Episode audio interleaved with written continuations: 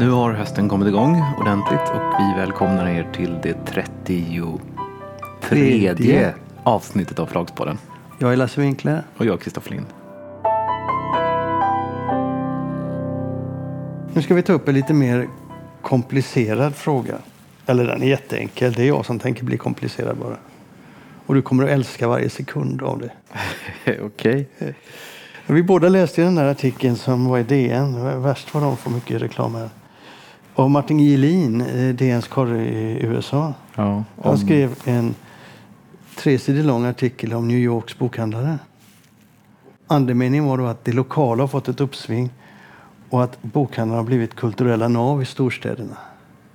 Jag var nog glad för att han gjorde det, men liksom alla journalister som går in på den här frågan så tycker jag att de missar rätt mycket av det som är viktigt. Och han hade ändå gått in och kollat lite. Första gången jag såg en kulturjournalist som hade kollat grejerna. Vad jag tänkte när jag läste den, det var som alltid när man, när man eh, tar del av information. Det är ju liksom i vilken omfattning, i vilken utsträckning. Precis som om man läser om historiska företeelser. Att på 1700-talet så hände det eller hände det. Ja, men hur många människor omfattades av de där händelserna? Hur, hur utbrett var det och så vidare. För att en, eh, att en stadsdel som Manhattan som har lika många invånare som hela Sverige har fem livskraftiga independent bookshops eller booksellers betyder kanske inte egentligen någonting för bokhandelns framtid. Nej, jag har en helt annan utgångspunkt för mina tankar om detta. Om du hade tittat på det där med independent, den lokala förankringen och bokhandlare som kulturella nav i, i, i sina lokalsamhällen så hade du sett ett, att den amerikanska independentbokhandeln växer trots Amazon. De växer ordentligt och att de får ett större och större inflytande. Och det, han skriver om det rent allmänt. Men detta gäller också småstäder och småorter. Överallt i USA där independentbokhandeln som är den ledande kraften Mm. i... Det hade ju varit en intressantare artikel än att det finns eh, fem stycken på Manhattan. Exakt. Men då hade han fått jobba lite mer. Men hade han kollat det så hade han sett att, eh, att det har jag sagt förut, ABA då, som är amerikanska bokhandlarföreningens centrala organisation som jobbar mycket med independent-bokhandlare är den mest framgångsrika eh, branschorganisationen i USA tror jag. Och det är den ledande kraften i shop local-rörelsen och har varit i många, många år. Och det är de som också har tvingat till, varit med att tvinga tillbaka Amazon som inte vill ha betala skatt. Nu betalar ju Amazon samma skatt som en fysisk bokhandel gör. Och det tog ju hur många år som helst. Men om man går till de här småstäderna i USA, om man går till småorterna, så hittar du fantastiska bokhandlare. Så tänker du, men det här bor ju bara 30 000 invånare, hur, är det möjligt? Är det så? Finns det på så små Oh ja, orter oh ja. fantastiska bokhandlar? Och, och när du går in i de där va, så är det som du går in i, du öppnar ett fönster mot världen och säger Wow! Här är hela världen samlad. Vad spännande. Här vill jag bo. Här vill jag vara. Det händer mig varenda gång jag ser. Men jag är ju romantiker i sammanhanget, det vet du. Men poängen är den att i USA ser det inte likadant ut som i Sverige. Sverige har en annan situation när det gäller kulturella frågor, när det gäller läsning och så vidare. I Sverige är biblioteken tar en stor del av det som amerikanska bokhandlare tar. Och sen har vi inte samma konfliktytor som de har i USA. Så i USA så är en bokhandel en, en, en kommunalt nav när det gäller kultur och, och, och sådana saker. Och det märks också att deras verksamheten som är där, den är väldigt, väldigt eh, optimistisk, engagerad och du ser att bokhandlarna där de är mycket, mycket bredare än de är i Sverige. Det, finns, det är väl också väldigt vanligt av de här independent bookshops i USA att de har en politisk profil eller ett eh, socialt engagemang, att de har en annan profil. Ja, alltså de har ju en samhällsprofil. Det vill säga att de är engagerade i samhället. Det är de. Och jag tycker ju att det är ju en aspekt av bokhandleri som inte finns i Sverige. Jag tänkte på det när jag eh, häromdagen också läste, eller man kan säga så här. USA och Sverige skiljer sig. Det säger de flesta, ja svenska bokhandlare kan inte bli som amerikanska. Jaså, säger jag då. Men samma utveckling som du ser i USA ser du i Storbritannien. Och det är likt Sverige. Där har du en helt annan situation. Den är europeisk. Där har du ungefär samma lagsituation och samma samhällsdebatt som i Sverige. Så kan det bli det i Storbritannien. Och den har också utvecklats mycket positivt. Ja. Medan svenska bokhandlare då... Varför, varför ser vi inte samma utveckling i Sverige? Nej, därför att bokhandeln av historiska skäl är inte samma... Ägs inte av den typen av personer. Bokhandeln...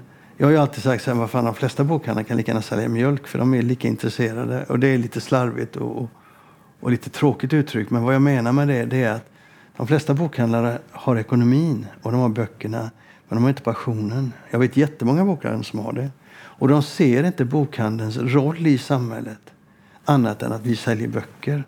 Men om du skulle se bokhandeln som ett kulturellt nav där böckerna är det centrala, då får du en helt annan passion, en helt annat utåtriktande funktion gentemot samhället om du blir ett kulturellt nav. Och det kan du bli i Sverige. Ja, det ligger nog en hel del i det. Men finns det inte också något, en, mer, en mer filosofisk inställning som, eh, som finns i de här länderna, USA och England?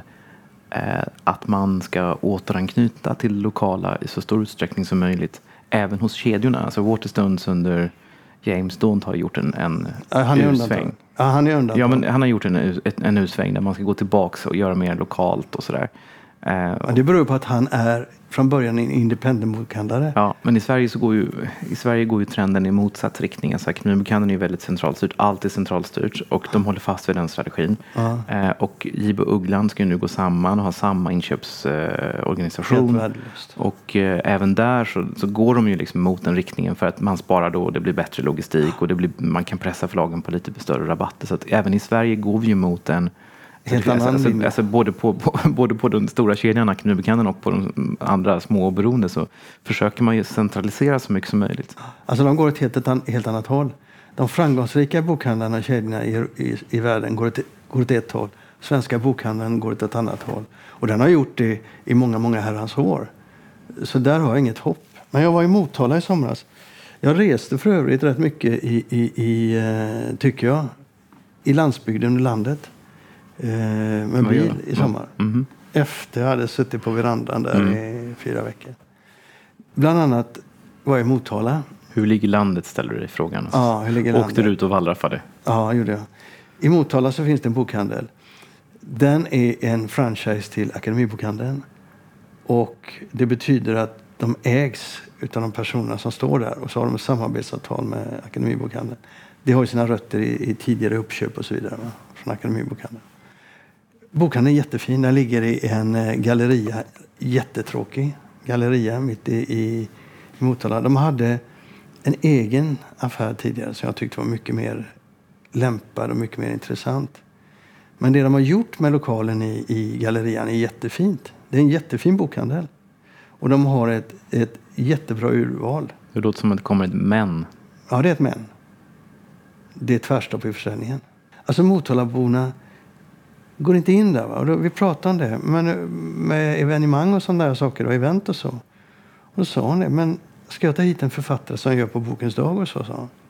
Och de ska ha eh, resor, de ska ha hotell och de ska ha lite annat. Det går på en 7000. Jag kan inte täcka det någonstans. Jag kan Nej. aldrig sälja böcker för det. Men är det det att folk i Motala har slutat köpa böcker eller har försäljningen flyttats från den fysiska bokhandeln till nätet eller något annat? Jag har ingen aning, men vet, det finns ingen bokhandel i Mjölby. Den närmsta är Linköping, sen är Jönköping. Och det skulle vara en katastrof tycker jag om bokhandeln försvann. Men det är klart att om du då ska försöka vända en sån här utveckling. Eh, det kommer ju kosta skjortan. Ska det bli det som jag vill, alltså kulturella centrum med en aktivitet så kommer det ta några år att skapa en sån och innan man kan dra in folk. Och här handlar det om att dra in unga människor som är intresserade av kultur, som vill veta något om världen.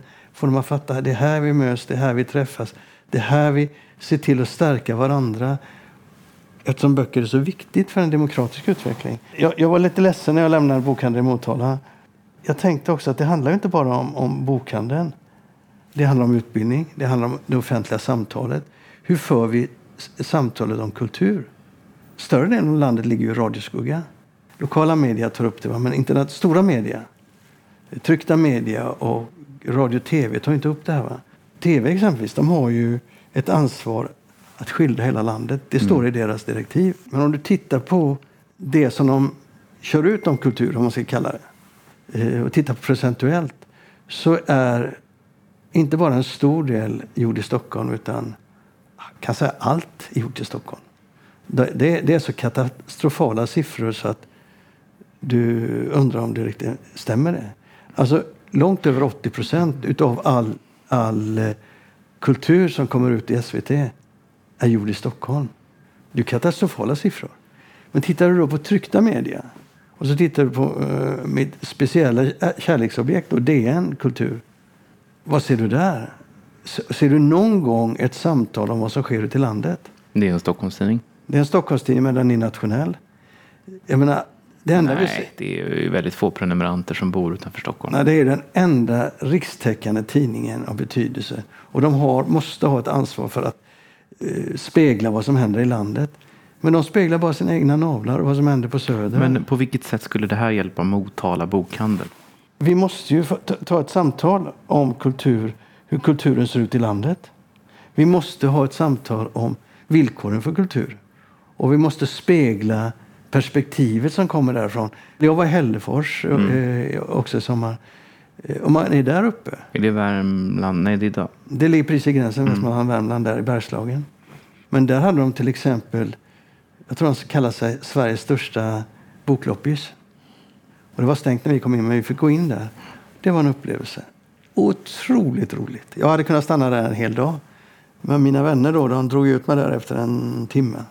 Men eh, och där hade de en, en, en musikfestival eh, lördagen söndagen efter vi var där. Så. Det sker ju saker här i, i, i, i världen såklart.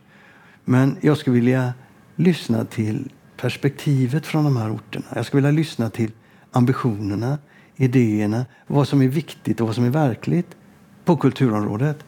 Det får vi inte någonstans. Och då menar jag, i landet så finns det bokhandlare som ska in i det här navet och vara de här kulturella eh, naverna. Vara med i det här mycket, mycket mer än vad de är idag. Jag vet inte om du såg den här kulturanalys, alltså den här eh, kulturanalys.se. Jo. de har gjort en utredning. Den, den sa ju i princip det vi vet. Jag, jag tittade på den och de har gjort en, en, en, en analys som de kallar Rummet helt nyligen. Så jag tänkte bara läsa för dig en kort grej därifrån. Mm. De säger så här då. Analysresultaten visar polariseringar mellan olika grupper och en risk för att samtal, opinionsbildning, informationsutbyte och debatt inte förs gemensamt utan snarare skilda grupperingar i olika sammanhang som är avgränsade från varandra baserat på fakta som inte prövas eller ifrågasätts inom gruppen. Vi ser grupperingar som inte tar del av stora delar av det offentligt finansierade kulturutbudet och istället söker sig till vissa typer av media och tar avstånd från andra. I ett vidare demokratiperspektiv finns det skäl att ställa frågan om det verkligen förs ett gemensamt samtal om demokrati och visioner. Rapporten pekar på en risk för polarisering och samtal som förs parallellt vid sidan av varandra baserat på fakta och föreställningar som tas för givna inom respektive grupp eller bubbla och som främjas av gruppspecifika medier. Världsbilder som inte kommer i kontakt med varandra eller utmanar varandra. Det där har vi pratat om förut. Men jag, jag tänker delvis, det där var ju bara sånt som vi vet egentligen. Va? Det bara bekräftar det vi vet. Men jag menar att det här kultur, offentliga samtalet om kultur måste få fler perspektiv. Det som händer i Göteborg och i Stockholm har ingen aning om. Om det inte sker en spelning på Ullevi. Bokmässan? Ja, bokmässan då. Då är, då är man till nöds tvungen då mm. att, att, att, att, eh, ta upp det. Men vad som händer i övrigt? Nej. Det enda som är det är lite Malmö, lite på, på tapeten. Men Norrland, Umeå. Det vet man inte. Det är Littvet, Umeå när det gäller böcker och så. Eller Littvet, jag menar lit, eh, litteraturfestivalen där uppe. Eh, så för mig, är, är, är, när jag har rest runt i, i, Sverige så har jag liksom känt det. Att fy satan vad tyst här är. Det, och det här är levande bygder ändå. Det, det tragiska, eller jag tror att du, du klagar väldigt mycket på centreringen kring Stockholm. Både på Eh, SVT och, och sådär men även på kommersiella medier som Dagens Nyheter som inte tar sitt ansvar och att inte speglar hela Sverige och sådär. Men det, det, här är väl också... De speglar ingenting? Det här är väl, det här är väl ändå en, eh, ett uttryck för andra liksom, socioekonomiska rörelser och en annan samhällsutveckling där mycket blir väldigt fokuserat på Stockholm. Många flyttar till Stockholm, många, många företag lägger ner, flyttar huvudkontor att den här, det här samtalet du vill ha, den här levande lokala kulturen som du vill ha, den, den, den kan liksom inte komma, den måste finnas, den måste sprudla, den måste spira från det lokala. Ja, det jag, ju... jag menar inte, man kan inte plantera in det, men vad jag menar är något annat. Jag menar att vi måste plocka upp de samtalen som finns där ute. Vi måste visa de perspektiven. Vi kan inte förvänta oss att det ska vara sprudlande överallt. Det är inte det jag är ute efter. Men vi måste berätta berättelserna om hur det ser ut där ute, varför det ser ut så här, vad vi är intresserade av, vad driver oss. Vad driver oss som människor? Vad, vad, vad blir vi rika på? Alltså, samtalet om kultur måste ha många mer röster och komma utifrån. Och här menar jag att bokhandeln kan spela en totalt annorlunda roll i de här miljöerna, på de här små orterna. Och där är det så att mm. amerikanska bokhandlare gör detta. Om du kan gå ut till exempel eh, Northshire bokhandel på, någonstans på östkusten i, en bit ovanför New York eh, som ligger på landsorten. Eh, Lancaster tror jag den här orten heter. Och det är inte många människor som bor där. Eller i Belleville eh, utanför Seattle som också är en liten ort som har fantastisk bokhandel. Alltså den är ju den är ett andningshål för människor. Den berikar människor och gör människor starkare och får dem också att känna lokal stolthet. Det där är väldigt viktigt när amerikanska bokhandlare eh, fokuserar på det lokala. Solidaritet med lokal handel, mm. lokal där identitet. Är, där är intressant för där kan man ju tänka sig att om man eh, i Stockholm så finns det kanske inte någon väldigt stark lokal, lo, lokal lojalitet och i Stockholm så har vi ju idag det tycker jag, rätt trevliga fenomenet att väldigt många som bor i Stockholm faktiskt inte är födda i Stockholm. Att det finns en, liksom, folk kommer utifrån och... Det är bara du som är född i Stockholm. Folk kommer utifrån och folk har inga... Eh, alltså det, det, är väldigt positivt tycker jag, väldigt kul och väldigt trevligt. Men också att man har ingen, ingen stark lokal patriotism.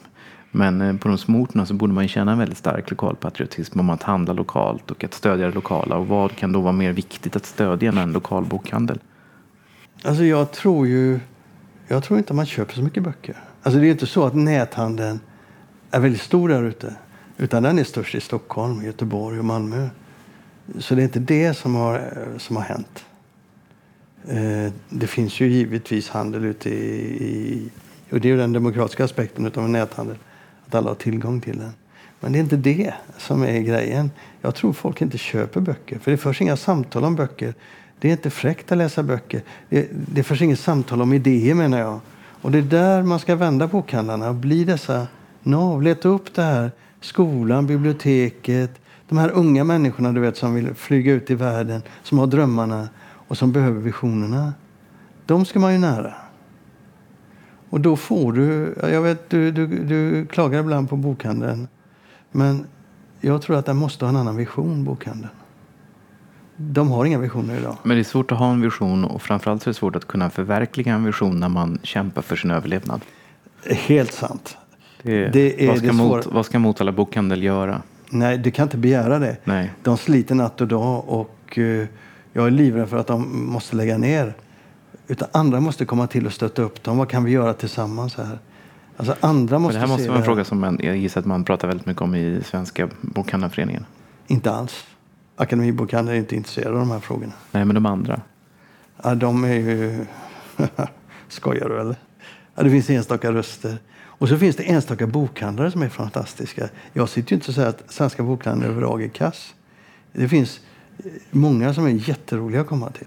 Och som har en, en livskraft. Jag har ju en lokal bokhandel där jag bor.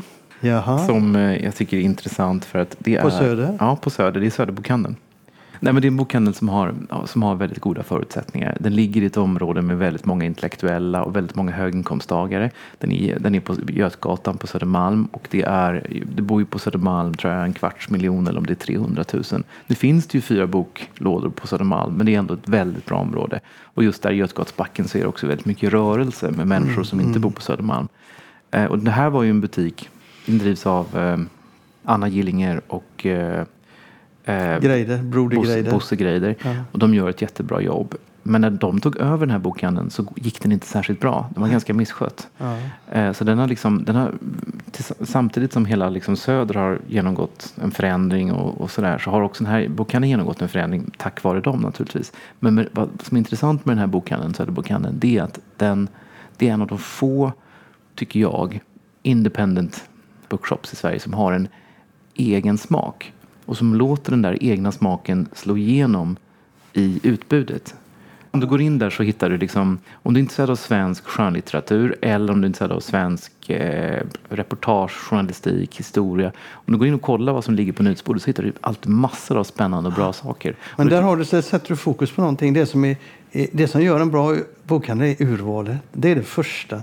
Ja, Sverige. den har en själ, alltså den är Ja. egen själ. Sen är Ja. den är en otroligt vacker butik. Men alltså, när man går in där så känner man, här är folk som har tänkt till. Ja. De har valt ut de här böckerna för att de tycker om dem och de har liksom det, de här böckerna korrelerar med ett samhällsengagemang och, och så vidare. Ja, men de, är, de är bra på det. Men det är alltså det, det är urval, Men- urval, ja, urval. Ja, det är urval, urval. Men det, jag är så förvånad. Ackis har inget urval. Jag är, så, för, jag är så förvånad över att det inte finns fler sådana. Akademibokhandeln då, de har inte det i sin Nej, men de DNA. kan inte ha det, så de kan vi inte kräva det av. de kan visst ha det. Men det borde kunna finnas en Söderbokhandel i Göteborg. Waterstone, eh, Waterstones har det. Visst, men varför finns ingen Söderbokhandel i Göteborg? Varför finns Det gör ingen det. Det gör det. Vilken då? Lords bokhandel Ja, just det. är en sådan bokhandel. Och barnbokhandeln på Värmlandsgatan är en sådan bokhandel. SF-bokhandeln på Kungsgatan är en sådan bokhandel. Ja, det stämmer. Den är Så det väldigt- finns. Mm. Men här har du också, på Söder har du en till. Bysens bokhandel. Eh, som ligger längre ner på, på Hornsgatan mot Zinken. Mm. Det är en jättegod bokhandel. när Ja, du den är in där. Men där har du också ett problem. Eh, han som driver den då, han börjar ju bli, närma sig pension eller till och med över. Om han ska sälja den så får han ju bäst betalt om han säljer den till en restaurang.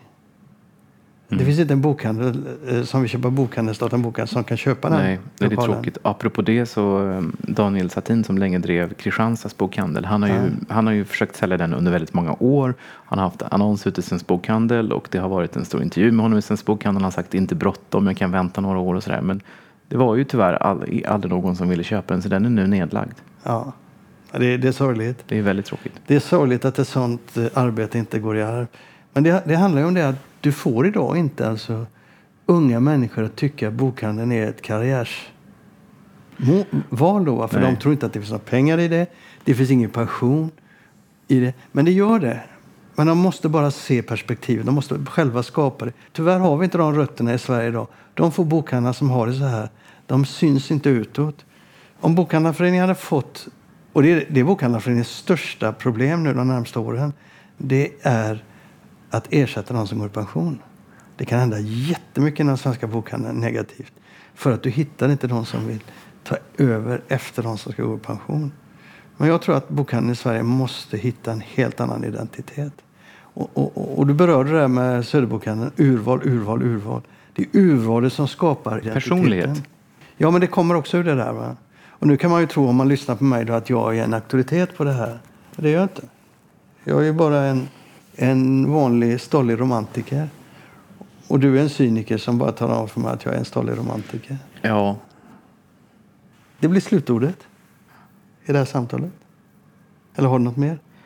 Nej, jag har inget mer med. Jag, jag tänker kanske lite grann att det är, eh, vi glömmer bort hur många fina bok, boklådor som trots allt finns ute i landet. Och hur många som trots allt vet att detta som vi säger är något som de har jobbat väldigt hårt med väldigt länge.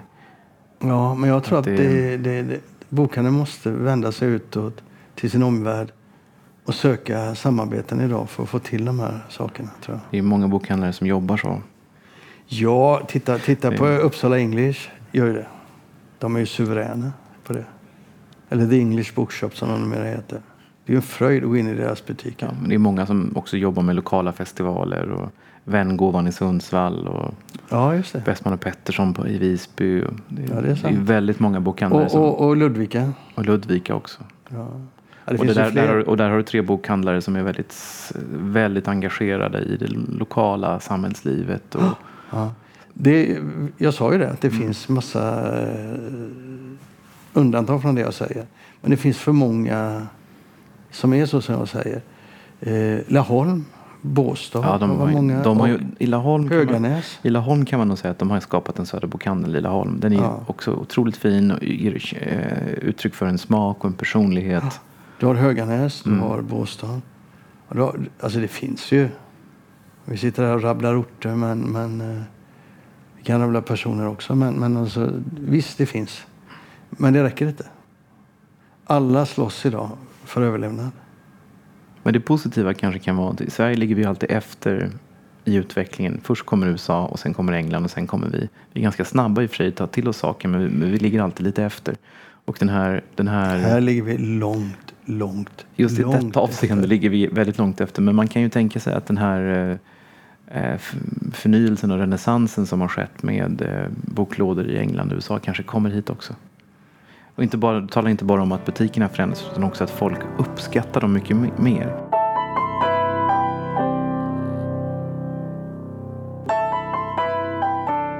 Du ville ta upp en sak eh, som ligger lite i kanten av eh, bokbranschen. Eller? Ja, det ligger i kanten kan man säga. Men det är ändå mediebranschen. Och det är väldigt kopplat till bokbranschen i någon mening. Kör då. Nej, men jag tycker den här TV4-affären är väldigt intressant. Och hade någon sagt till mig för ett halvår sedan att den här affären skulle bli av så hade jag aldrig trott att det överhuvudtaget var sant. Varför det? Ja, det är två saker som är, eller tre saker som är mycket märkliga med den här affären. Det ena är att Bonnier härmed förlorar sin största intäktskälla. Eh, och att Bonnier-koncernen tappar en tredjedel i omsättning. Och ännu mer då i, i, eh, i lönsamhet, i, i vinstpengar. Och, eh, det andra är att staten blir största ägare i eh, ett jättestort mediebolag. Och det tredje är att affären sker mot inte bara regeringens vilja utan även mot hela riksdagens vilja. Det, det är ju en helt osannolik situation. Och hur tänker du runt detta då? Vilken av de tre? Nej, bör- börja med den sista, den är rätt intressant. Ja, alltså jag undrar om det är någonting som jag inte har förstått. Men Maria Erling och Johan Denneryd har ju kört över regeringen fullständigt. Och antingen så är det ett spel för, för kulisserna, det vill säga eh, regeringen låtsas utåt som att de tycker att det här är en dålig affär. spel för gallerierna? Spel för gallerierna, inte spel för kuliss- för kulisserna. Ja. Ja, men antingen så låtsas de att, det här är en, att, de, att, att de är emot affären för att det, det är det enda, politen, på det enda politiskt eh, liksom, möj, Möjliga möjliga. Antingen låtsas de att de är emot det eller så eh, har de eh, liksom bara blivit överkörda. Det låter märkligt att de skulle bli överkörda i en sån stor affär. Ja, men du vet, eh, de har, staten har ingen representant i styrelsen.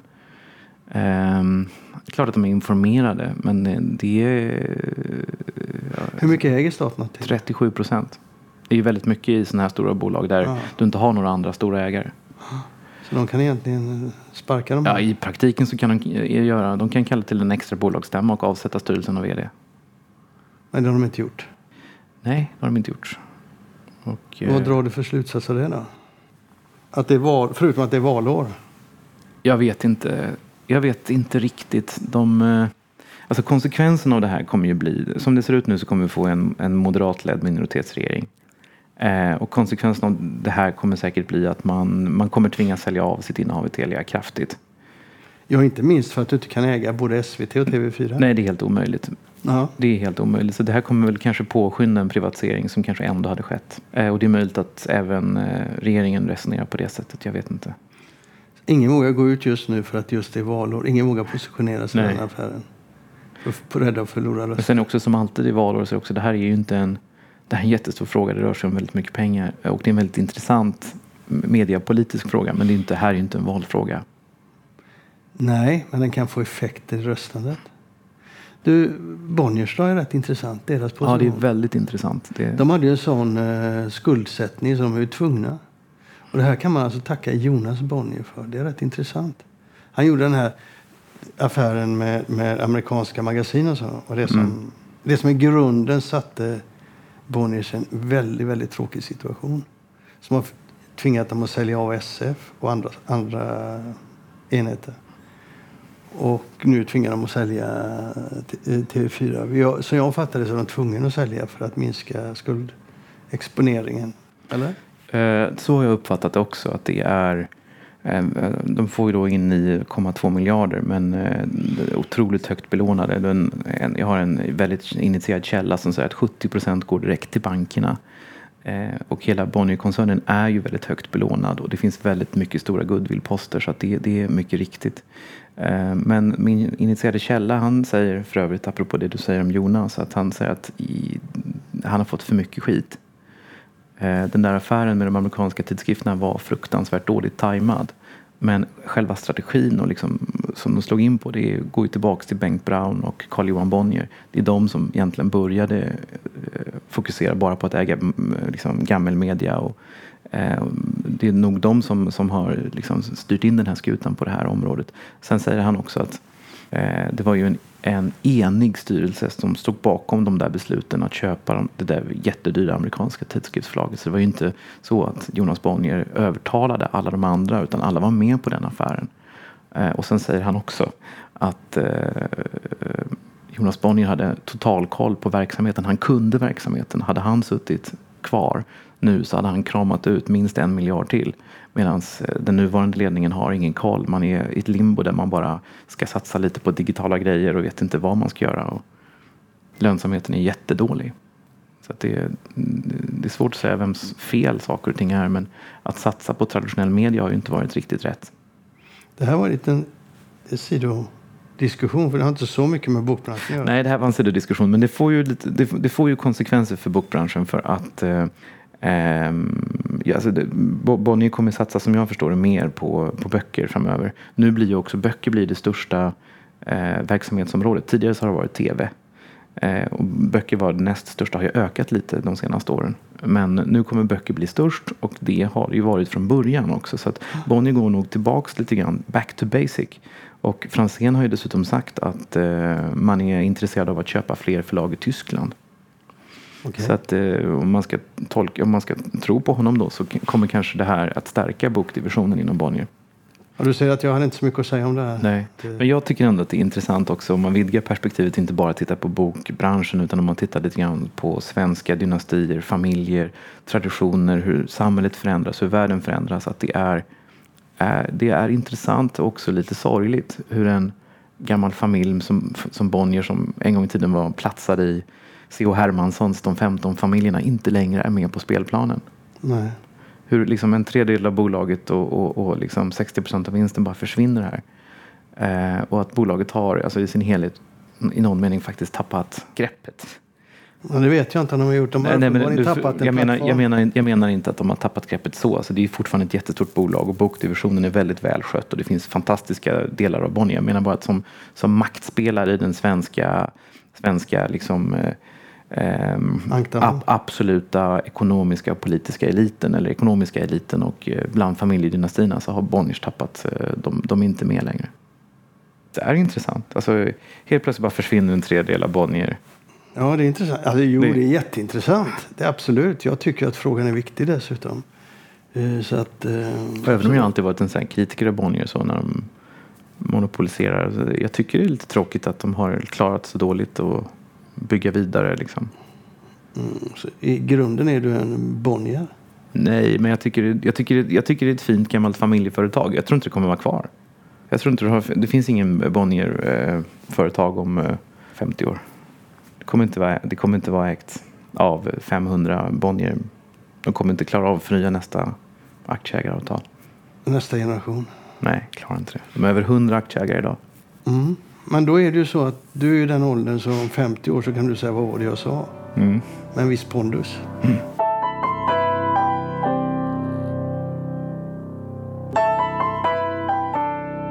Du, det här kanske inte du är så intresserad av men jag tycker att det är på sin plats att vi snackar lite om Bonniers översättaravtalet. Den konflikten som vi hade uppe i eh, podden för ett tag sedan i våras. Ja, men vi vet ju inte riktigt hur avtalet ser ut för det är ju av någon knäpp anledning konfidentiellt. Jo, men jag vet, jag vet så pass att, att uh, det blev en, uh, det blev ju en uh, något ansträngd situation eftersom Bonniers och Författarförbundet inte kunde komma överens. Så Bonnier, de var ju rätt hårda från början. Men så gick ju för första gången översättarna ut gemensamt och sa att då uppmanar vi till bojkott av Bonniers eh, böcker. Inga översättare ska jobba med Bonniers. Och det där spred sig internationellt och det blev jobbigt för Bonniers. Och sen så började... Spred det sig internationellt? Ja, alltså nyheten den spred sig till mm. andra länder att Bonniers eh, inte kommer överens med översättarna. Att de nu har uppmanat till bojkott. Det var ju första gången de har gjort det. Och samtidigt så började Bonniers att... Men gjorde de, gick de, uppmanade de till bojkott ja, eller hotade de? Fatta, mm. jo, jo, jo. Eh, öppet alltså. Men fick det någon effekt då? Ja, det fick det ju. Tror jag. Det där kan man ju spekulera om. Men jag tror att det fick en viss effekt för det satte press på Bonniers. Samtidigt så börjar man... Bonniers försökte då att gå över till att förhandla med enskilda författare.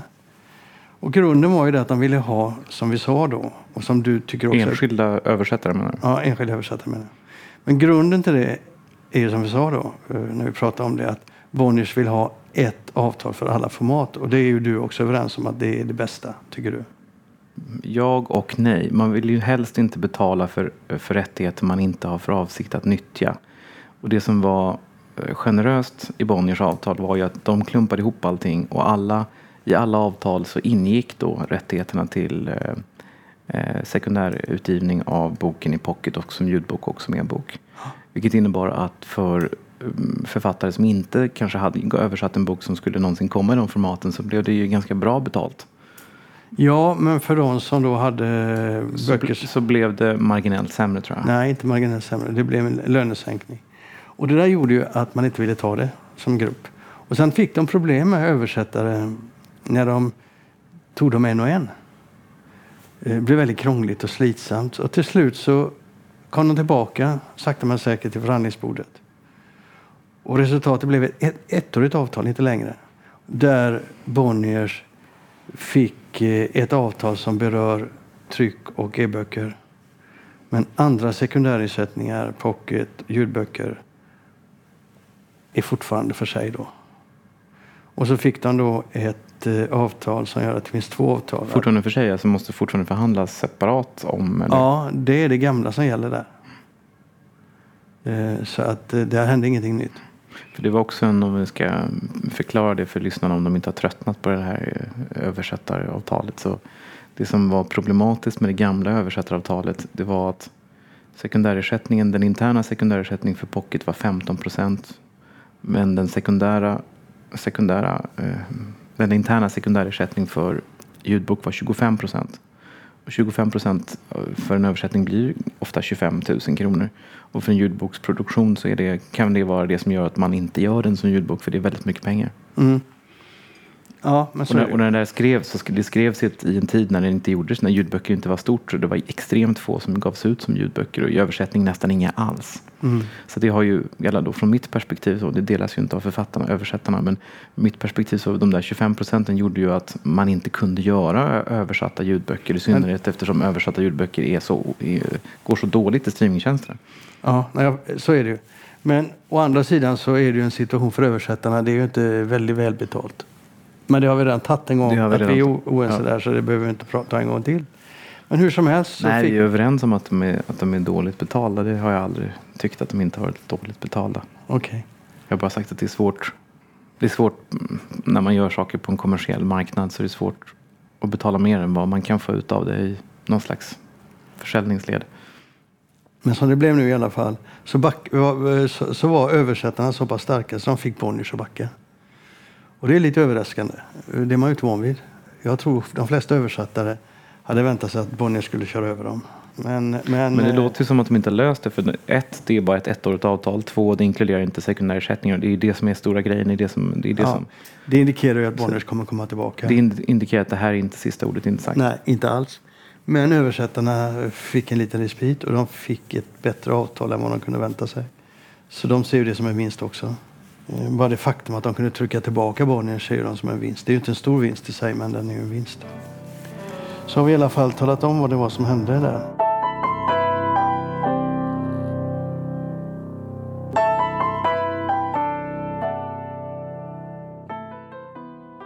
Ja, det var allt för idag. Det var avsnitt 33 av Förlagspodden och vi hörs om två veckor igen. Hej då!